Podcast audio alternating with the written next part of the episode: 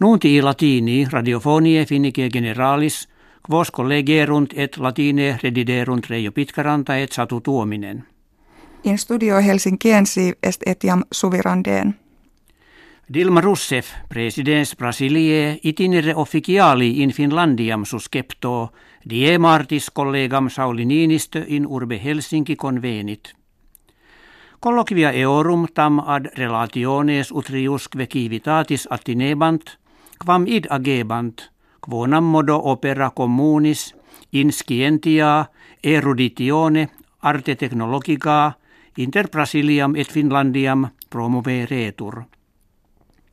Preterea rerum in Ukraina et Syria conditionem deliberabant. Inter russos et americanos de regulis convenit, quas utraque pars in ictibus a eriis in Syria faciendis observaret. Ni tuntur maxime ut potestas calamitatum et conflictuum ibidem ad minimum redigatur. Timendum enim est nequid tale accidat, cum aeroplana russorum et americanorum in eodem fere spatio a erio impetus bombicos faciant. Civitates unionis europee efficere conantur, ut Turki impediant ne profugi in Europam confluant.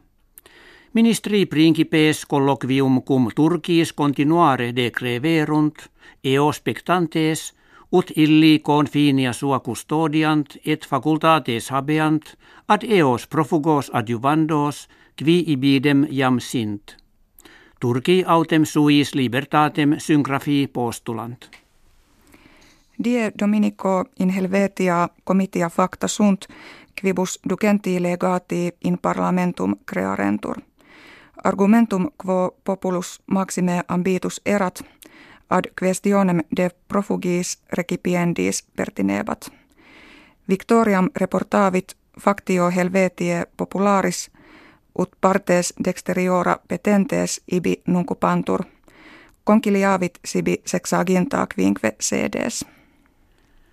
Ban Ki-moon, secretarius generalis nationum unitarum, iranianos hortatur ut supplicia kve de suis sumpturi sint ad tempus intermittant. Ban eos ad iit quod in Irania intradua septimanas duo juvenes lacveo suspensi sunt. Constat ibidem hoc anno jam plus septingentos homines pena mortis affectos esse. In Italia venatoribus quotannis tot calamitates accidunt, ut plurimi kives eam occupationem in vetitis numerari velint. Inventum enim est etiam trigenos homines singulis venandi temporibus vitam amittera. Difficile tamen videtur esse italianis venatu interdigere, cum deciescentena milia eorum licentiam eius exercendi habeant.